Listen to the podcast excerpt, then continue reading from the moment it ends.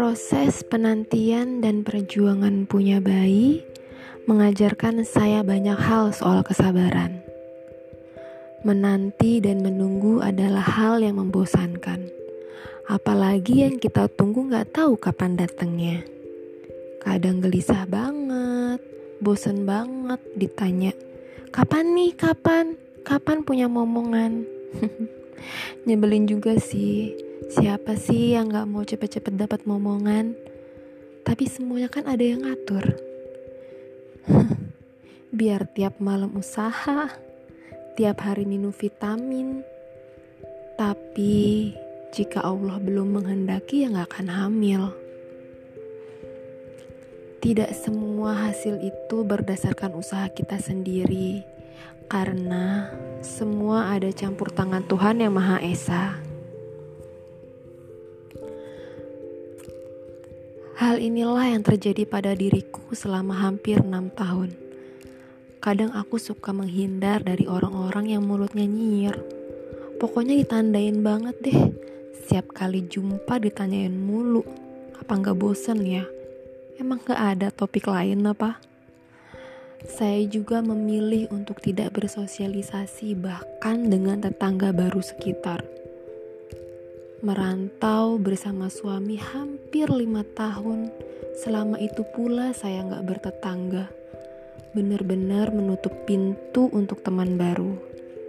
Yang ini jangan dicontoh ya. Mau bagaimanapun, saudara terdekat adalah tetangga. Awalnya aku rajin banget nandain kalender setiap kali head. Melingkari, Kira-kira kapan ya masa suburnya? Tapi hampir satu setengah tahun terakhir aku udah males. Pasrah aja gitu sama keadaan. Kami pernah beberapa kali ke dokter kandungan di daerahku. Tapi cuma diberi obat penyubur dan vitamin. Sisanya hanya minum obat-obat herbal yang katanya bisa cepet hamil. Kurma madu bubuk, madu, telur ayam kampung, ya, dan lain-lain. Mungkin kita belum dikasih rejeki. Kita coba dulu yang tradisional, mana tahu justru ini yang Allah ridhoi. Allah Maha tahu kapan waktunya. Dan satu lagi, saya tidak pernah barang sebiji pun menyetok test pack untuk mengecek apakah saya hamil atau tidak. Hanya akan membuat kecewa. Saya soal promil di awal tahun mungkin akan saya jabarkan di podcast episode selanjutnya aja ya. Di masa pandemi seperti ini, kita dituntut untuk selalu jaga sehat dan jaga badan kan ya? Jadi ceritanya sekitar awal bulan Juli, suami saya demam dan batuk. Gak disangka suami saya reaktif setelah memeriksakan diri ke klinik kantor. Saya sempat kaget sih karena tiba-tiba dia pulang. Padahal baru dua jam lalu berangkat kerja.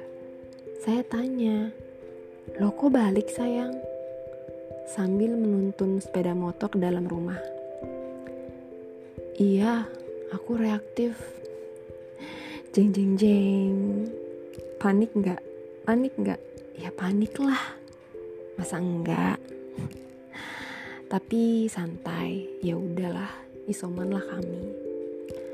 Soal kami sakit mungkin nanti akan saya ceritakan di podcast selanjutnya aja ya. Hampir dua minggu kami isoman. Suami sih udah enakan dari minggu pertama tapi tidak dengan saya. Masuk minggu kedua saya mual muntah. Sampai tidak ada satupun makanan yang masuk hampir terfikir mau infus aja karena saya emang udah gak kuat. Ya karena gak makan itu. Penciuman saya jadi semakin sensitif saya tidak bisa masak tidak bisa cium masakan saya tidak bisa melakukan aktivitas apa pun selain berbaring dengan sesak yang masih ada sedikit tertinggal Di akhir bulan Juli saya memberanikan untuk tes pack karena saya sadar saya sudah telat tiga minggu. suami saya tancap gas ke apotik. Sesampainya di rumah, ada rasa deg-degan juga sih karena takut kecewa.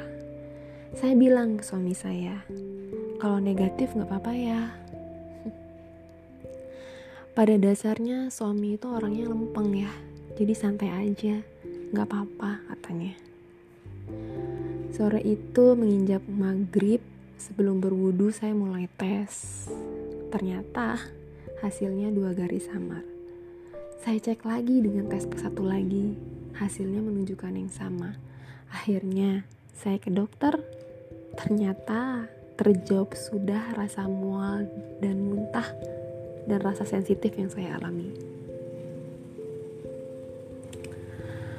Ya alhamdulillah aku syukuri saja bisa ngalamin mual muntah dam yang ya pada awalnya masih bisa ditolerir sih saat itu. Bahkan aku harus dibantu makan obat mual. Penciumanku jadi semakin sensitif nggak tahan wangi-wangian itu langsung mual. Dan cepat merasa lelah. Nggak tahu badan tuh nggak enak banget jam 10 pagi udah ngantuk kadang kerjaan ngerajut aku juga aku tinggal sebentar baru lanjut lagi. Tak hanya kerjaan aja yang terganggu, bisnis skincareku pun aku stop atau aku liburin demi kesehatan. Selera aku hilang, banyak banget kegiatan yang aku anggurin. Di saat podcast ini tayang, usia kehamilanku sudah 11 week. 4 hari. Masih panjang sekali perjalananku Supaya janinku sehat Berkembang dengan baik. Saya harus fokus kesehatan dan pola pikir saya tidak boleh stres Semoga selama proses kehamilanku ini My baby bisa jadi inspirasiku buat nulis tumbuh kembang si junior dan buat podcast di sini. Aku berharap bisa melahirkan dengan normal dan lancar. Aku sehat, bayiku pun lahir dengan sehat dan selamat. Ada rasa was-was juga sih, apalagi usiaku udah 30-an. Gak sabar deh rasanya, tapi proses mesti dinikmati hingga cukup bulan tentunya. Semoga sehat dan panjang umur. Buat teman-teman, bantu doa ya agar semuanya lancar. Karena saya melalui proses kehamilan di saat pandemi, tidak mengapa. Meski begitu, saya tetap yakin kalau rezeki yang Allah berikan pasti sudah diatur waktunya. Kalau memang dikasih kepercayaan hamil di saat kondisi seperti ini, saya ikhlas. Saya pun berharap semoga kandungan dan bayiku baik-baik saja, sehat sampai melahirkan nanti. Amin.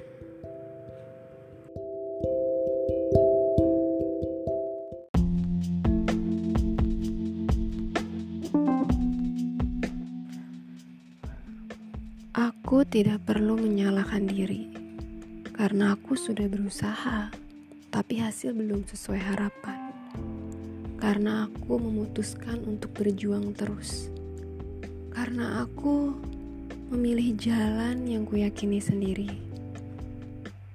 Karena aku menjadi diri sendiri.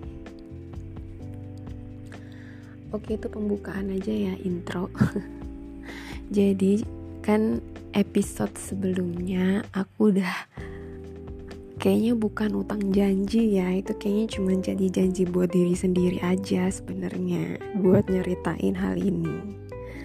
Jadi aku tuh punya utang untuk ceritain soal hmm, promil aku ya. Sebelum promil aku mau ceritain tentang uh, perjalanan aku sih selama enam tahun ini ngapain aja sih? Gitu kan promilnya ngapain aja sih? Udah ngapain aja? Kayak gitu. Jadi di podcast kedua ini kita ngomongnya santai aja ya. Nggak usah terlalu berat nggak usah terlalu baku. Pokoknya santai aja. Um, kalaupun membosankan ya udah dijeda dulu. Ngopi-ngopi dulu kek atau nonton TV dulu atau ngapain nanti kalau misalnya mau tidur lanjutin lagi. Oke aku lanjut ya.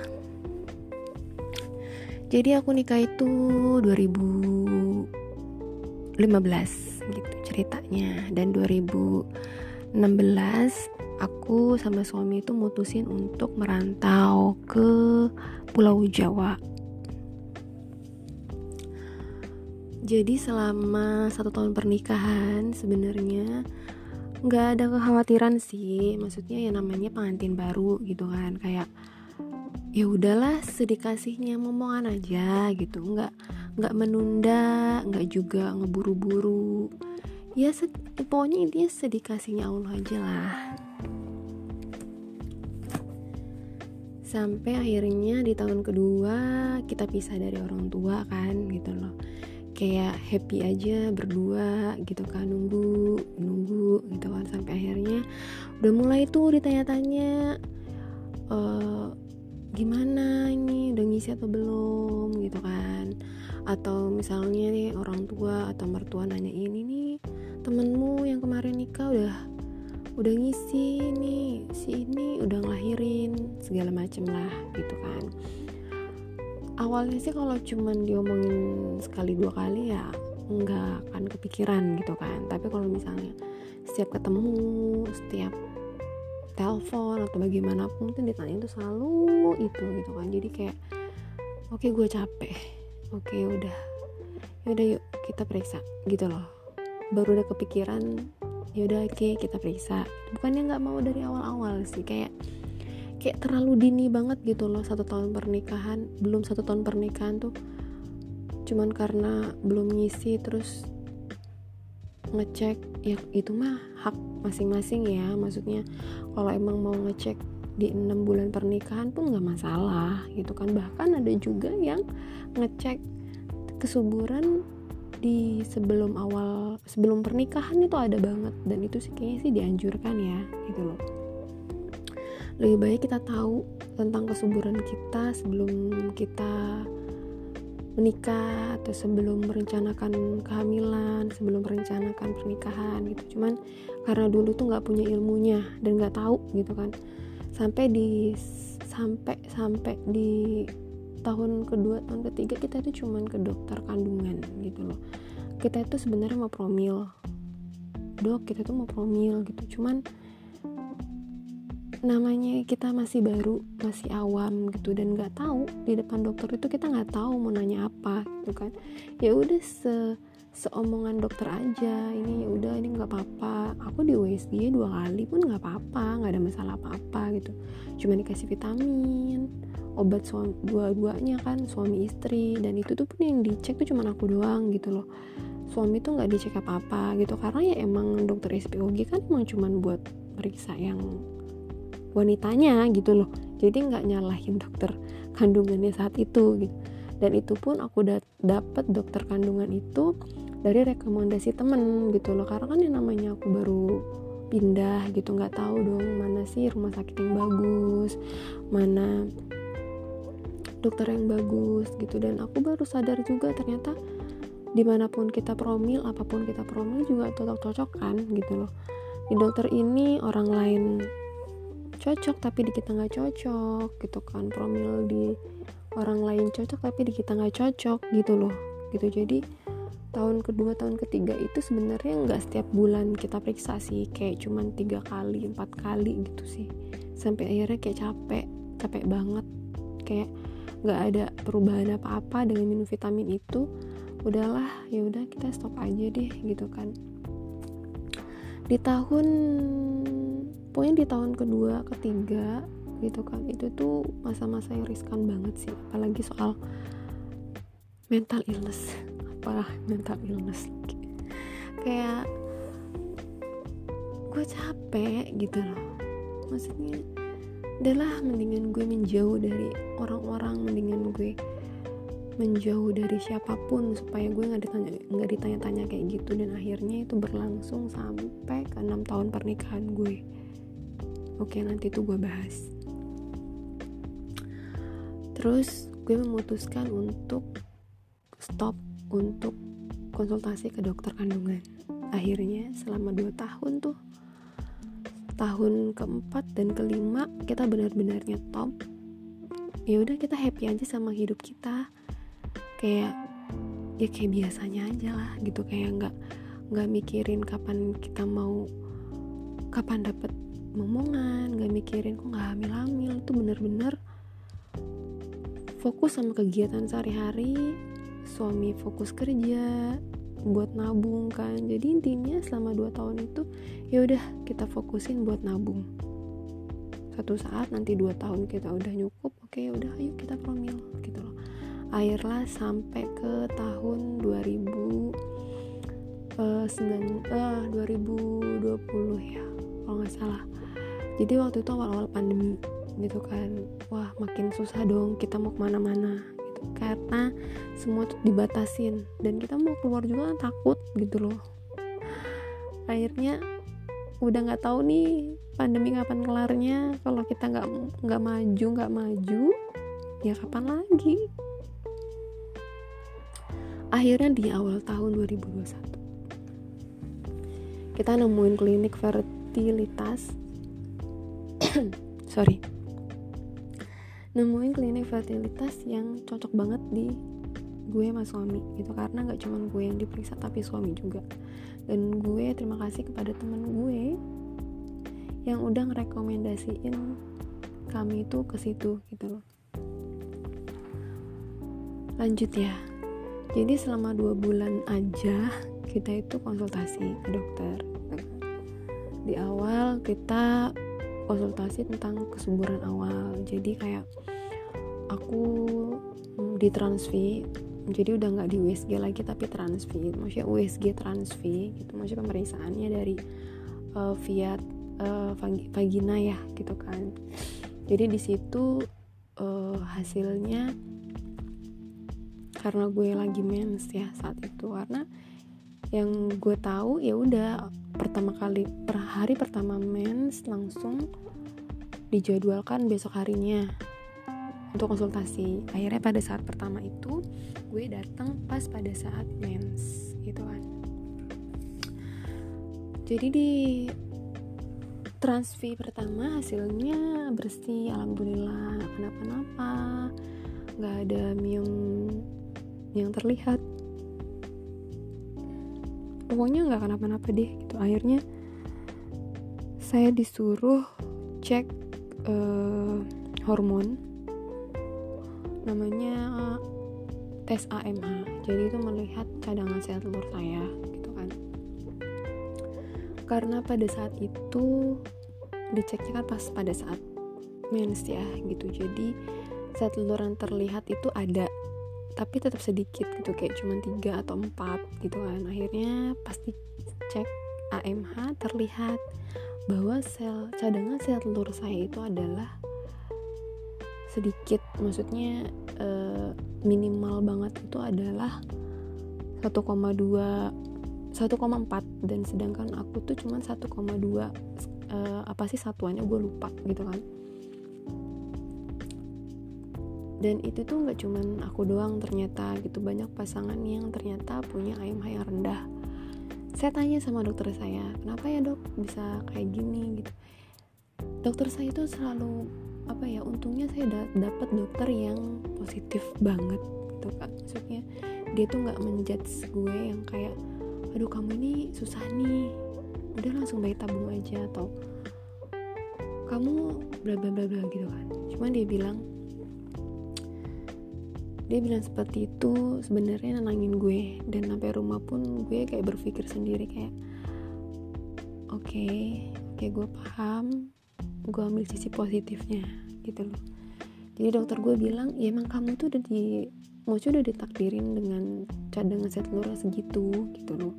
Ya bisa jadi karena uh, lifestyle kamu atau makanan kamu atau kamu pernah minum-minum apa atau gimana. Cuman itu nggak jadi jaminan sih. Maksudnya emang udah ya udah. Kamu tuh emang dilahirkan dengan cadangan sel telur seperti segitu gitu loh. Jadi ya ya udah jangan jangan takut jangan gimana gimana gitu kan. Pokoknya ini besokannya uh, saat itu juga gue dikasih untuk surat pengantar untuk HSG gitu kan.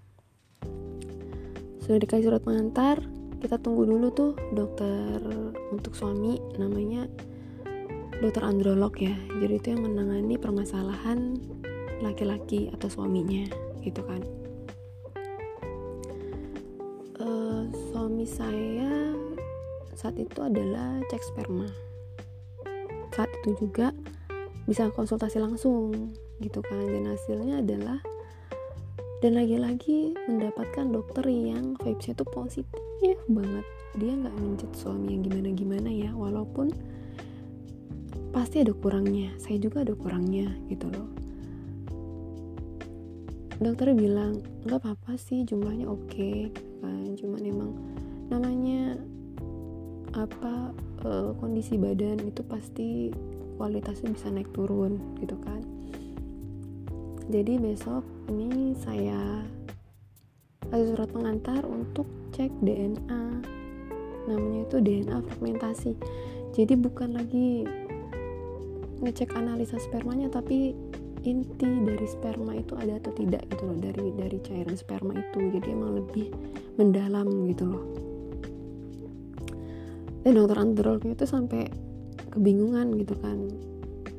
Kenapa kamu 6 tahun belum HSG ya, ya kita nggak tahu dok gitu kan. Karena emang nggak nggak ada yang dokter sebelumnya tuh nggak nyuruh kita untuk apa HSG cuman kita nggak ngomong gitu dong. Kita cuman bilang iya dok ini juga. Mau HSG deh gitu kan. Ya sudah akhirnya beberapa hari kemudian uh, minggu depannya atau gimana deh gitu kan. Kita aku HSG di rumah sakit dan suami ke Prodia karena saat itu sebenarnya suami itu dikasih dua surat pengantar untuk DNA dan hormon testosteronnya gitu kan. Sudah tuh. Akhirnya pas aku masa subur karena aku sana lagi tuh pas masa subur. Seingat aku pas masa subur gitu kan. Karena untuk melihat ada nggak nih pas masa subur sel telur aku? Kayak gitu kan. Akhirnya dengan membawa bekal hasil tes kita konsultasi lagi ke dua dokter tersebut gitu kan. Alhamdulillahnya hasil HSG saya itu bagus. Maksudnya untuk tidak ada penyumbatan rahim juga normal benar-benar ya sudah bersih alhamdulillah. Tidak terjadi apa pun gitu kan dokter saat itu bilang ya sudah ini karena udah di, udah tahu nih maksudnya kita nggak nggak kenapa-napa gitu kan. Kamu saya kasih vitamin nanti kita tunggu dulu tiga tiga bulan. Kalau misalnya tiga bulan berhasil alhamdulillah alhamdulillah ya gitu kan. Kalau misalnya tidak berhasil udah kita langsung bulan depannya inseminasi. Kita coba inseminasi ya oke dok. Kita jadi aku sama suami itu mau oke kan karena kita udah ada dananya untuk insem gitu loh. Jadi oke dok. Setelah konsul ke dokter kandungan kita ke dokter androlog untuk suami. Kita kasih tuh uh, apa hasil hasilnya dan ternyata ya mungkin gini loh dokter ini tuh sudah banyak menangani pasien yang lebih berat gitu loh. Jadi kenapa itu vibesnya itu positif banget? Karena nggak mau ada pasien yang berkecil hati dengan hasil yang didapat gitu loh. Jadi ya yang yang nggak nggak nggak ada kata-kata yang menyakitkan sih selama selama selama apa konsultasi kayak gitu kan. Cuman bilangnya ini bagus sih ada ada intinya bagus gitu kan. Cuman gini uh, dan saat itu adalah dia menawarkan untuk bayi tabung. Aku agak shock sih gitu kan kayak kenapa harus kenapa? Why? Gitu loh. Gitu kan karena semuanya hasil bagus gitu kan. Ya cuman pasti ada kekurangan lah sedikit gitu kan. Uh, dokter itu bilang mau nggak coba bayi tabung? Dalam hati saya kita mau banget dok gitu kan. Tapi kita perlu waktu karena biayanya itu nggak nggak murah gitu loh. Tapi itu kita nggak ngasih tahu ke dokternya sih itu kayak cuman di dalam hati aja gitu kan. Kayak ini akhirnya kita utarain uh, kita tuh kita coba dulu aja ya dok tiga bulan. Kalau misalnya emang kata dokter Cynthia sih kalau misalnya tiga bulan belum bisa kita baru inseminasi katanya kata gue kata gue gitu kan. Oke okay, oh gitu oke okay, katanya. Jadi dia ngasih tahu tentang insem dan bayi tabung. Maksudnya dia ngasih tahu uh, kabar buruknya aja lah maksudnya gini. Kamu gini loh. Untuk inseminasi itu adalah uh, keberhasilan itu cuma 5% gitu loh. Sedangkan bayi tabung itu ya sekitar 40-50 lah gitu kan. Jadi kalau misalnya kamu mencoba untuk insem ya nggak apa-apa gitu. ada juga yang insem langsung berhasil. Ada juga pasien saya itu baru harus dua kali dulu baru hasil tapi kalau kamu misalnya bayi tabung kita adain pemeriksaan secara keseluruhan gitu. Dan itu ya ya ada juga sih yang sekali berhasil yang baru berapa kali berhasil. Jadi tergantung pilihan kalian aja sih gitu. Kan cuma saya menyarankan untuk itu. Di awal ngasih tahu bahwa untuk keberhasilan itu sedikit. Maksudnya bukan untuk saya gitu loh. Maksud bukan untuk saya doang gitu. Maksudnya untuk semua pasangan kalau mau insem yaitu intinya presentasinya itu keberhasilannya sedikit gitu iya dong nggak apa-apa. Gue bilang gitu. Iya dong nggak apa-apa. Oke sudah. Sudah kita tunggu tiga bulan.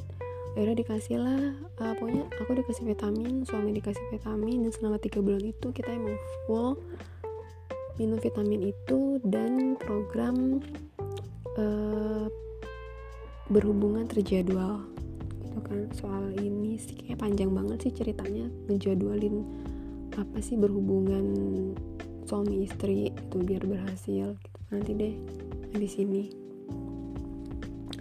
Kemudian selama tiga bulan yang aku ingat banget seharusnya sih bulan puasa itu kita harus melakukan tindakan. Gitu kan? Tapi aku memilih untuk aduh kayaknya kita nggak kayak nggak mungkin kita nggak mudik nih lebaran. Walaupun saat itu tuh udah ada larangan leba, larangan mudik lebaran bayangin kita masih mikir untuk kita pulang nggak nih kita pulang nggak nih kayak capek aja ditanyain pulang nggak? Pulang nggak? Gitu kayak nggak mungkin nggak pulang gitu loh. Kalau misalnya saya melakukan tindakan di bulan puasa kemudian saya harus pulang percuma maksudnya percuma gini loh. Kita sudah capek-capek ini ngeluarin uang kemudian kita pulang ya aku nyalahin capek gitu. Loh capek kalau misalnya berhasil pun gak akan jadi pulang gitu. Tapi kita mau pulang gitu. akhirnya kita mutusin untuk ya sudah habis lebaran aja deh. Akhirnya puasa berlalu kita juga stop minum vitamin. Bener-bener fokus emang buat ya udah kayak biasanya aja kita fokus puasa habis itu lewat puasa kita lebaran dan lebaran pun masih di sini ya masih di rantauan gitu loh. Kita milih hari untuk mudik dan saat itu juga aku kepikiran untuk minta izin sama dua orang tua aku dan mertua aku minta doa. Sebenarnya ke mereka itu kan aku juga nggak terlalu deket ya baik orang tua maupun mertua. Jadi kayak minta izinnya ya kayak nggak formalitas banget gitu kayak kita pamit mau pulang lagi ke rantauan tuh kayak aku pamit dulu ya pulang lagi ke sana gitu kan. Minta apa minta doanya aku mau promil nih mah iya ya iya mama itu mimpi mimpi gendong anak kecil dua kali kamu pas kamu sebelum ke sini sampai sampai kamu mau pulang itu ini nih baru tadi malam mimpiin lagi. Mudah-mudahan beneran kamu cepet ngisi kata mamaku gitu. Aku kalau udah ngomongin soal mimpi gitu kan kayak ya ketawa aja ya ampun sebegitu di pikirannya gitu orang tua gitu sampai ke bawah mimpi. Kadang kasihan gitu. Ya oke lah ya sudah ya mah ya udah berangkatlah. Ke mertua juga gitu. Bu aku mau promil. Aku sama mas mau promil.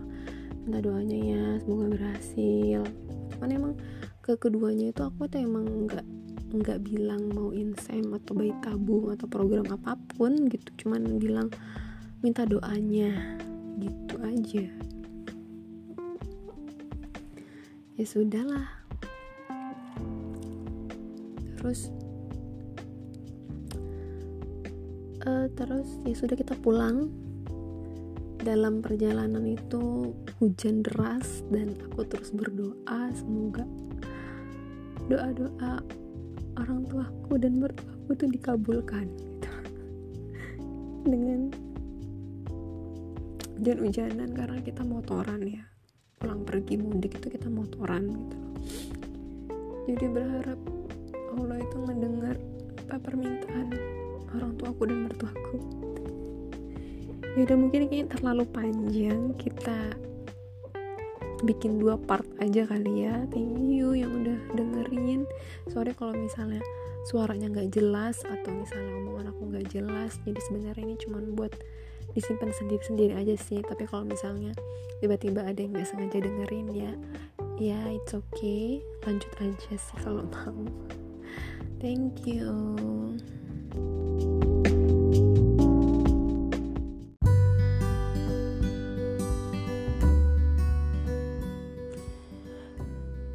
balik lagi di podcast dengar suaraku.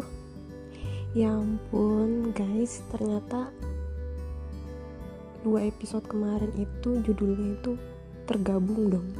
Gue pikir gue ngerekam dua kali dan gue tuh ngasih judul berbeda. Dan ternyata podcast gue yang kedua itu gabung sama podcast gue yang pertama. Jadi ya udahlah kita sekalian aja ya gabung di sini. Jadi dalam tiga podcast gue ini gue jadiin satu judul ya. Jadi mungkin uh, waktunya agak lama sih kayak setengah jam lebih. Itu nah sekarang gue mau uh, ngelanjutin lagi kisah promil gue yang sebenarnya sih nggak ada apa-apanya sih. Kayak ya udahlah cuman mau gue cuman mau nyimpen aja cerita gue ini karena pengen gue sharing aja entah nanti suatu saat gue dengerin lagi atau ada yang dengerin gitu kan. Jadi karena gue ngerekamnya malam-malam jadi kita agak bisik-bisik dan santai aja lah ya. Takut ada yang denger kan nggak enak. Jadi terakhir kan gue bilang kemarin gue uh, akhirnya gue mudik dan gue minta restu untuk promil kan gitu loh. Jadi ya gue berharap banget di saat itu doa gue dan doa doa orang tua dan mertua gue itu emang terkabul gitu loh. Sampai emang kebawa-bawa mimpi nyokap gue saking pengennya nimang cucu dari gue gitu loh. Tapi ya sudah gitu loh. Maksudnya ya abis dari kita pulang uh, abis kita berangkat gitu kan sampai rumah sampai sini pun gitu sampai kontrakan sampai di rantauan pun ya udah. Hari-hari tuh kayak ya biasa aja gitu loh. Gue beneran nggak minum vitamin. Gue kayak ya udahlah kayak hari-hari gue biasanya kayak gue nggak promil aja gitu. Kayak ya udah gitu loh. Gue tetap melakukan apa ya berhubungan terjadwal sesuai dengan arahan dokter gue gitu kan.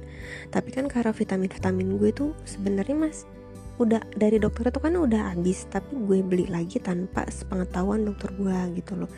Tapi kenapa gue banyak tapinya sih? Maksud gue vitamin vitamin yang gue beli online itu nggak gue lanjutin minum gitu loh. Satu emang karena ada kekhawatiran. Sebenarnya tuh kayak cuman suplemen aja sih gitu. Kayaknya kalau mau diminum pun gak masalah gitu loh. Kecuali kalau antibiotik atau gimana gitu kan. Ya itu cukup sekali aja kan nggak boleh berkali-kali. Ini kayak cuman kayak suplemen aja sih gitu. Menurut gue sih nggak apa-apa sih gitu kan. Akhirnya uh, gue tuh beli berkotak-kotak gitu kan. Jadi laki gue tuh empat kotak gue lima kotak deh kalau nggak salah. Gue lupa juga. Jadi itu emang masih ada intinya.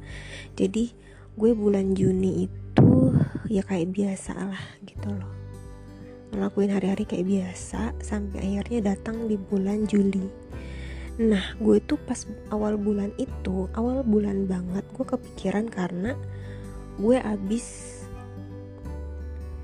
ya ilah, ada abang-abang apa sih? Aduh gue nggak tahu itu abang-abang lewat ya bentar. Biarkan dia lewat. Jadi lanjut ya ya Allah. Padahal ini udah malam loh gue pikir tuh nggak bakal ada gangguan. Abang tolong dong. Apalah intermezzo dikit ya. Jadi terus ya. Jadi di bulan awal Juli eh, di bulan Juni itu kan kalau nggak salah gue itu ketemuan kayak halal bihalal gitu sama teman-teman gue gitu kan. Nah salah satu teman gue itu bilang kalau gue dulu awal lahiran anak per, uh, anak pertama gue promil ini coy. Oh apa sih cuman minum apa sih jeruk nipis aja gitu lo peres gitu kan. Cuma yang ada caranya sih hari hari pertama lo um, meres berapa butir hari kedua berapa butir gitu. Cuman nanti gue cari ya gitu katanya kayak gitu. Ya oke okay lah gitu sampai akhirnya gue nggak ngegubris itu lagi sampai di bulan Juli itu gue kayaknya gue ngerasa badan gue ini uh, berat gitu loh. Maksud gue itu kan lemon ataupun jeruk nipis kan sama aja untuk diet juga kan sebenarnya. Jadi kayak uh, lo belum lo lo apa sih pagi-pagi lo minum atau sudah makan lo minum atau sebelum makan lo minum ya. Gue juga nggak tahu. Karena gue punya makan gak mungkin ya gue sebelum makan gitu. Yang ada perut gue ya campur aduk gitu loh. Nah di bulan Juli itu akhirnya gue mulai gitu karena uh, gue nanya akhirnya coy ini nih jeruk nipis kayak gini bukan yang harus gue minum gitu kan. Iya yang kayak gitu. Akhirnya dia kirim akhirnya dia ngirim kan kayak screenshot tiap harinya tuh berapa butir gitu berapa butir berapa butir. Akhirnya gue tuh cuman stuck nah cuman stuck di sampai tiga hari karena gue ingat banget ya. Hari pertama itu gue minum 4 butir ya hari kedua 8 butir hari ketiga itu kalau nggak salah 10 atau 12 butir gitu kan. Sampai gue ya Allah 12 butir aja segininya. Maksud gue itu pahit gitu. Apa karena gue salah? Karena kan gue cuman gue peres gitu loh pakai tangan gitu loh. Bukan yang pakai apa yang meres pakai tangan kan jeruk nipis pakai apa gitu loh. Terus uh, ya udah akhirnya stuck di kenapa gue berhenti di hari ketiga? Karena besokannya ternyata laki gue tuh positif maksudnya reaktif gitu kan. Covid dong gitu kan. Akhirnya gue nggak nggak ngelanjutin lagi gitu kan. Karena gue fokus untuk merawat laki gue dulu nih gitu. Karena dia demam gitu loh. Dia pakai demam tapi untuk cuman sehari doang sih sebenarnya.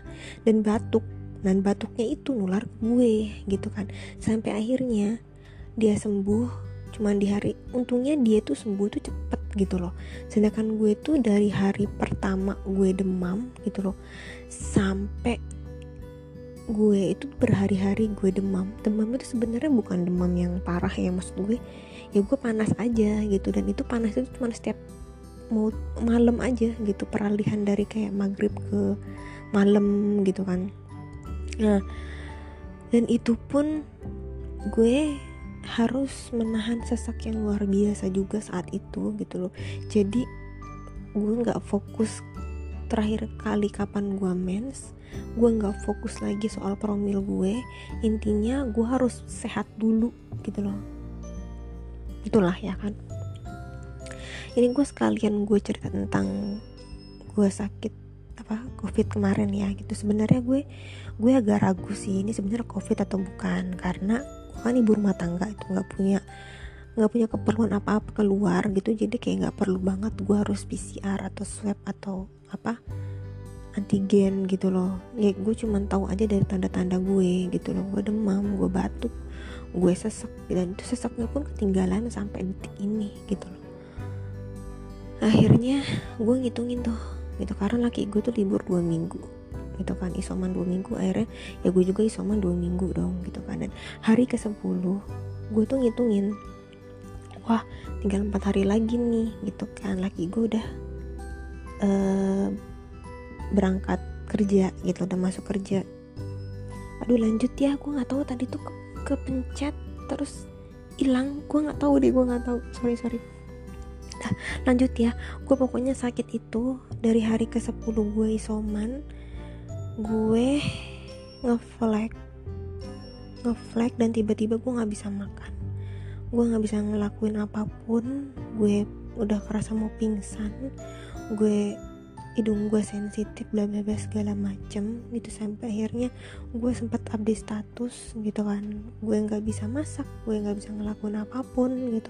Teman-teman gue tuh pada curiga kalau gue ngisi gitu kan. Tapi ya gue nggak bisa ngasih tahu mereka juga karena gue juga nggak tahu gitu loh itu ada beberapa teman gue yang mencuriga lo hamil? Gitu kan. Ah nggak tahu deh. Gitu kan. Gue males sih kalau udah dicurigain begitu sebenarnya. Kayak ya ngapa sih? Uh, ya kenapa sih? Maksud gue kenapa harus nyurigain gue hamil? Gitu. Ya amin aja. Gitu loh. Udah dalam hati gue sih ya amin aja. Gitu loh. Ya udah lanjut ya.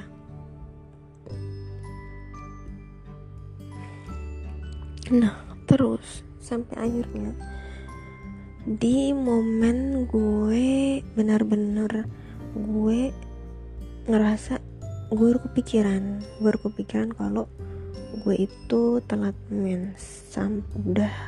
Harusnya gue terjadi di tanggal 9 dari tanggal 8 sorry. Dari tanggal 8 gue tuh harusnya sudah mens gue tahu kenapa tanggal 8 karena gue nyatet tanggal mens gue dan itu gue perlu itu supaya gue tahu masa subur gitu loh. Jadi buat teman-teman yang ngerasa hal itu gak penting kayaknya harus deh. Emang jangan rasa capek lu tinggal nyatet aja kemarin lu tanggal berapa udah dicatat dah gitu kan. Itu penting soalnya. Terus abis itu tanggal 9 kan laki gue sakit gitu kan. Dan itu tuh sampai berlangsung sampai tanggal 19 baru gue nge-flag disertai gue sakit yang gue bilang gue nggak bisa makan. Dan flag itu cuman nggak cuman sehari itu doang gitu loh. Tapi berhari-hari sampai kayak cuma kayak empat hari atau lima hari dan gue pikir itu mens gue. Tapi nggak ada darahnya dan itu cuman uh, coklat gitu loh coklat bening coklat bening terus kayak besokannya agak pekat besok lagi coklat bening coklat bening kayak gitu kan akhirnya di tanggal 20-an gue lupa tanggal 20 berapa ya. Gue minta laki gue untuk tes pack beli tes pack bentar. Lanjut sore tadi batu. Uh, beli test pack cuma dua biji. Gue pikir udah beli yang murah aja lah ngapain gitu dan gue bilang sama laki gue tapi kalau negatif gak apa ya gitu loh. Cuman karena laki gue tuh orangnya lempeng ya gitu kan. Jadi ya udah nggak apa-apa sih gitu kan. Udah next kan gue gue ngecek dan itu hasilnya dua garis samar gitu. Gue nggak pernah sekalipun pernah ngerasain yang begitu gitu loh baru kali ini. Jadi gue nggak nggak yang excited banget nggak yang wow wow garis dua gitu. Nggak kayak hah ini beneran gak sih? gitu loh. Terus kayak laki gue juga cuma lempeng wah cuma lempeng yang oh ya udah gitu loh. Kayak kita tuh sen kita ya happy gitu loh. Cuman kayak kita lempeng aja gitu loh. Beneran lempeng nggak sehappy orang-orang yang bikin konten gitu. Nggak ada waktu gue buat bikin konten begitu gitu loh. Karena gue juga sebenarnya udah lemes banget gue udah lemah banget. Gue nggak bisa mikir apa-apa. Jadi intinya gue cuma ngetes pack itu. Sampai akhirnya di akhir bulan gue udah gak kuat lagi. Karena emang gue sengaja untuk ke dokter kandungan itu di awal bulan kalau nggak di akhir bulan itu gitu loh. Tapi akhirnya di tanggal 28 27 28 sampai tanggal 27 28 tuh gue beneran gak bisa makan sama sekali. Hampir 10 harian gue gak bisa makan dan gak ada yang bisa masuk ke badan gue. Bayangin aja gue selemes apa waktu itu gitu loh. Gue udah kepikiran untuk diinfus aja di kuat aku tipes gitu loh. Sampai akhirnya gue sudah ke dokter dokter ayo ayo ayo gitu kan ya udah. Akhirnya sampai dokter beneran alhamdulillah gue ngisi dan itu tuh udah ada kantung janinnya dan ya namanya masih dan itu pun gue nggak tahu ternyata itu sudah enam minggu gitu loh. Udah kelihatan sih gitu kan kayak kecil gitu loh kayak kecil banget gitu kan di, di pojokan gitu. Nah ini udah ada kok ya bener nih alhamdulillah dokternya gitu. Ya ya, dok gitu Allah ya udah ya udah. Gue nggak yang nangis gue nggak terharu gue nggak apa pun. Gue cuma bilang dokter saya nggak bisa makan saya lemas saya mual muntah dok gitu kan. Ya udah akhirnya dari pulang dari sana gue dikasih vitamin. Sampai akhirnya seminggu dari sana kalau nggak salah ya. Eh enggak deh gue dijadwalin untuk dua minggu lagi gitu. Seminggu dari sana gue udah kayak orang keteleran. Gue udah nggak paham lagi gue udah gue udah nunggu dua minggu ketemu dokter tuh kayak lama banget gitu loh. Kayak gue kepengen ngadu dok saya nggak bisa makan gitu loh. Apa saya lakuin gitu loh. Gimana? Maksud gue kalau gue nggak makan janin gue gimana? Apa nggak apa-apa? gitu loh. Udah akhirnya gue bener-bener nunggu sampai dua minggu. Dan itu benar-benar hari yang berat banget buat gue gitu kan. Karena kalau gue ngerasa gini loh gue ngerasa janin gue insya Allah kuat ya karena dia ternyata dia ada di saat gue juga pas waktu sakit waktu itu gitu kan. Dia tuh udah udah ada di saat gue udah sakit dan dia kuat banget kuat banget sama gue gitu. Bertahan sama gue gitu loh. Mudah-mudahan anak ini sehat berkembang dengan baik gitu. Nggak ada kurang satu apa pun nanti kalau misalnya uh, sudah lahir gitu ya sudah. Ketika gue dua minggu sampai sana otomatis tuh berarti kan udah 8 mingguan ya gitu loh. Gue baru tuh nangis di depan dokter. Bukan karena gue terharu bukan. Tapi karena gue ngadu kayak kayak ibaratnya tuh ngadu sama bapak sendiri gitu loh kayak apa aku tadi dijahatin sama teman di sekolah gitu kan terus nangis gitu. Dan itu gue ngadunya tuh nggak bisa makan dok. Gitu kan aku nggak bisa makan gimana? Gitu kan. Loh ya gimana? Ya udah loh kok nggak bisa makan? Jangan nangis gitu kan. Nggak apa-apa itu wajar gitu. Aja udah nah di USG dulu akhirnya di USG itu gue tetap nggak bisa ngomong dan gue cuma nangis karena gue nggak bisa makan. Kalau diinget-inget lagi gue tuh lucu sih. Kadang orang pulang dari dokter juga laki gue tuh apa uh, ngebully gue. Kayak ya ilah apa di depan dokter nangis gitu dia ngapa ngadu nggak bisa makan. Ya emang emang berat tau aku gue. Inget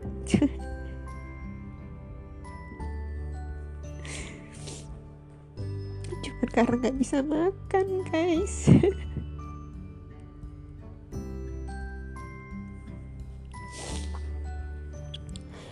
aduh.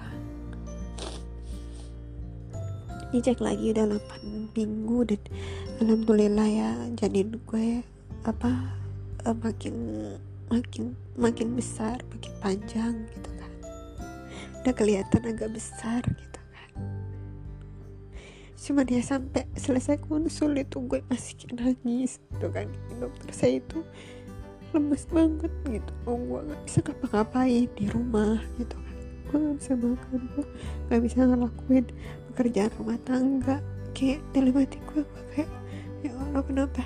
Berat banget sih cuma karena gak bisa makan gitu. Akhirnya dikasih susu dan sepanjang gue nunggu lagi. Karena kan gue habis dari 8 minggu itu ternyata satu bulan lagi gue harus ke sana gitu kan. Maksudnya ya udah nggak usah usah terlalu dekat jarak konsulnya jadi kayak satu bulan lagi gitu kan. Karena jadi ini sehat gitu kuat. Terus maksudnya uh, ya perkembangannya bagus lah kayak gitu kan. Jadi ya satu bulan satu bulan lagi gitu kan ke sana. Nggak tahunya gitu kan. Dua hari gue baru aja dari dokter itu. Gue nggak kuat. Gue bilang sama laki gue sayang aku nggak kuat gitu kan aku lemah banget aku aku lemes banget gitu. Emang emang beberapa hari itu gue kamar mandi tuh gue yang kayak dibopong gitu kan. Terus ya tiap bayi lagi gue tuh makan dibawa ke rumah itu gue tuh tutup pintu kamar masuk karena gue bener gak bisa nyium nasi gitu kan. Gue langsung muntah-muntah beneran. Ya udah ya. Akhirnya dua hari gue dari situ gue ke rumah sakit karena emang posisinya enggak sih sore sih. Gue langsung ke ke IGD rumah sakit. Ke UGD apa IGD sih? Gak ngerti lah ya. Ke IGD rumah sakit. Gue bilang ya udah karena emang karena kehamilan dan itu wajar gitu. Tapi ya udah gue cuma mau disuntik vitamin aja udah nggak apa-apa deh. Akhirnya disuntik vitamin dan sama uh, dikasih suntikan mual muntah gitu kan di rumah sakit gue nggak nggak ngerasa mual muntah guys gitu loh. Mungkin karena udaranya itu segar ya gitu loh. Kita maksud gue gue itu ditaruh di satu ruangan khusus emang yang ya gawat darurat kalau untuk ibu-ibu hamil gitu loh. Jadi cuma satu ranjang gitu loh. Sama ada tempat inkubator buat bayi gitu. Kayaknya emang khusus untuk ibu-ibu hamil di situ gitu loh. Udah kan nah gue di itu selama dua jam ternyata gue kedinginan di sana dan itu bikin malu. Gue gue minta lagi gue matiin AC akhirnya gitu kan. Akhirnya pulang dari sana yang tadinya gue pikir uh, bayarannya bisa pakai asuransi ternyata nggak bisa dan gue habis 600 ribuan untuk suntik doang gitu kan akhirnya besokannya mungkin karena pengaruh vitamin itu dan obat mual muntahnya kali ya masih ngaruh masih ada gitu kan di badan gue makanan pertama yang bisa gue coba adalah pempek. Karena gue kepengen banget pempek gitu loh. Gue kepengen banget pempek. Nah uh, keselnya adalah pempek yang gue mau itu pada saat itu nggak buka kalau nggak salah itu hari minggu deh gue nggak tahu lupa hari minggu. Dan nggak buka akhirnya gue nyari opsi lain ke pempek yang lain gitu loh. Dan gue sangat seneng gue bisa makan pempek ikan. Tahu sendiri kan kalau ikan itu nyengat banget rasanya gitu kan. Dan itu gue bisa makan gitu loh. Gue bisa makan rujak mie. Gue gue gue pesan rujak mie sama pempek beberapa biji gitu kan. Udah.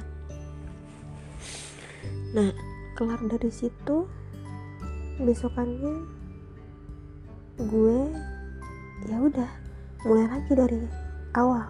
Gue minum vitamin gue mau minum obat penguat gue minum obat mual muntah tiap kali gue harus makan gitu kan. Udah sampai di gue lupa sih di hari keberapa. Oh dua minggu setelah gue.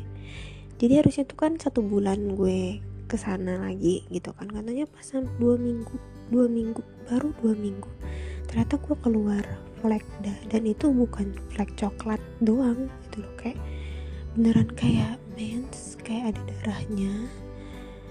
Gue nggak tahu itu apa mana gue sendiri di rumah gue bilang sama laki gue gue whatsapp. Uh, akhirnya hari itu juga sore sore ya karena nunggu laki gue pulang gitu loh. Dan itu tuh sebenarnya nggak yang biur banget gitu cuman kayak gue. Karena gue saat itu pagi itu kerjaan gue tuh cuma ngelipetin baju doang ngebayangin. Ngeliatin baju doang sambil duduk gitu loh. Duduk di lantai. Tiba-tiba gue ngerasa kok sorry ya Miss V gue kayak ngerasa kayak mens ya gitu. Kayak ada yang keluar. Ya kayak awal-awal mens aja ngerasa nggak nyaman gitu kan. Akhirnya pas gue mau pipis oh my god ini apa? Gitu loh. Gue udah cemas gue takut karena gue ngelihat darah gue tuh yang sebenarnya fobia darah. Tapi kalau main sendiri sebenarnya nggak tahu kenapa itu enggak gitu loh. Kayak misalnya gue ngelihat orang kena pisau atau kecelakaan ada darah itu gue bisa bisa pingsan bisa bisa puyeng langsung berkunang-kunang dan saat itu juga gue sama gitu kan gue berkunang-kunang gue lemas Hah? aduh aduh nggak nggak nggak. Jangan jangan dulu jangan dulu. Gue kuat kuatin buat cebok sorry ya. Gue kuatin buat bilas kamar mandi. Gue harus kuat gitu kan sampai pokoknya gue bawa madu bawa minum air putih gue ganti CD gue langsung ke kamar langsung gue langsung rebahan gitu. Karena gue pasti nih nggak bisa ngapa-ngapain sampai sore. Jadi makanya gue daripada gue siang lapar gitu akhirnya gue cuman modal madu doang ke kamar gitu loh. Sama bawa air putih. Udah. Gue tuh seharian cuma minum air udah gitu kan. Akhirnya sore lagi gue pulang uh, gue nggak berani ngecek tuh. Gue nggak berani gerak-gerak. Terus laki gue pulang baru gue cek itu sambil ngobrol gue ngecek tuh kan ada darahnya keluar lagi. Dan itu kayak cuman segaris sih nggak parah kayak pagi gitu akhirnya terus gimana? Aku takut gue bilang kayak gitu kan. Ya gimana? Mau? Ya aku takut soalnya besok kamu kalau misalnya besok besok kamu kerja gitu kan.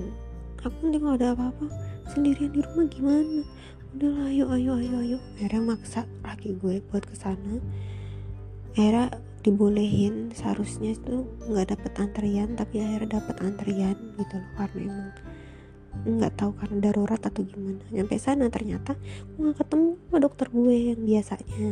Gue ketemu lah sama dokter muda. Tapi untungnya tertangani dengan baik sih katanya. Nggak karena nggak tahu nggak tahu kenapa gitu loh pendarahan itu gue nggak dikasih tahu kenapa intinya. Ya jangan stres jangan ini. Dokternya sih bilang ya jangan stres ya keluar keluar lah ngobrol sama orang gitu kan. Ya tapi lagi corona sih ini ya kata dokter yang gitu kan.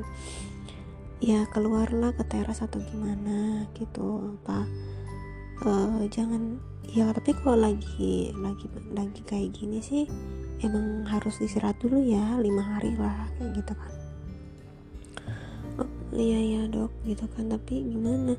Ada pas di USG USG nggak apa-apa ternyata gitu loh. Maksudnya ya perkembangannya bagus gitu loh. Gue nggak sempat nanya sih gitu loh. Kayak dokternya ya orangnya nggak nggak kenapa-napa intinya gitu. Terus panjangnya juga mulai berkembang gitu bagus udah kelihatan apa tangannya gitu kan kepalanya kayak gitu kan. Oh ya udah terus kemarin apa ya gitu kan terus suami karena suami nimpalin gitu kan ya kamu tuh stres aja paling gitu kan makanya ya udah nggak usah stres stres lah gitu kan ya udahlah ya.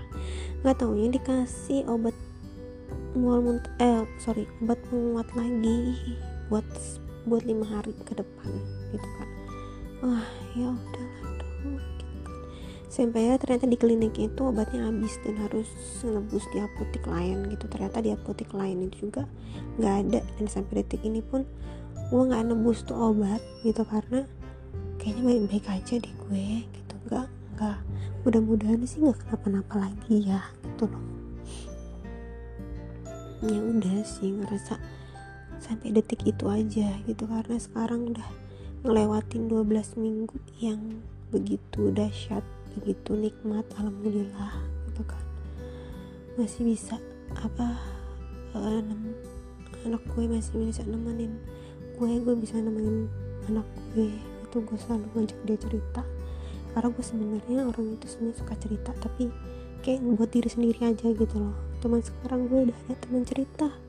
Itu gue gue beli buku buku-buku buat newborn gitu kan. Kadang kan gue ceritain gue ulang-ulang lagi ceritanya gitu kan. Gue nggak mau bersedih gue nggak mau cerita sedih apa pun ke ke janin gue gitu kan. Karena itu bisa ngaruhin pikirannya juga gitu kan.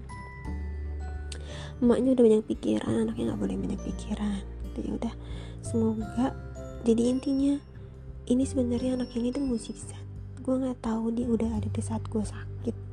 Jadi gue yakin sih pas di bulan Juni itu gitu loh. Jadi intinya uh, gue itu program programnya itu berhasil karena ngejadwalin hubungan suami istri gitu loh. Aduh kalau kalau misalnya gue gue jelasin mungkin di next part ya gitu loh. Kayak karena harus ada hitung hitungannya gitu loh. Kalau misalnya di sini gue ceritain kayaknya bakalan nambah lama deh ini waktunya. Ya next lah ya. Gitu ya sudah. Mungkin itu aja celotehan gue malam ini. Karena gue nggak bisa tidur mendingan gue cerita. Ya udah thank you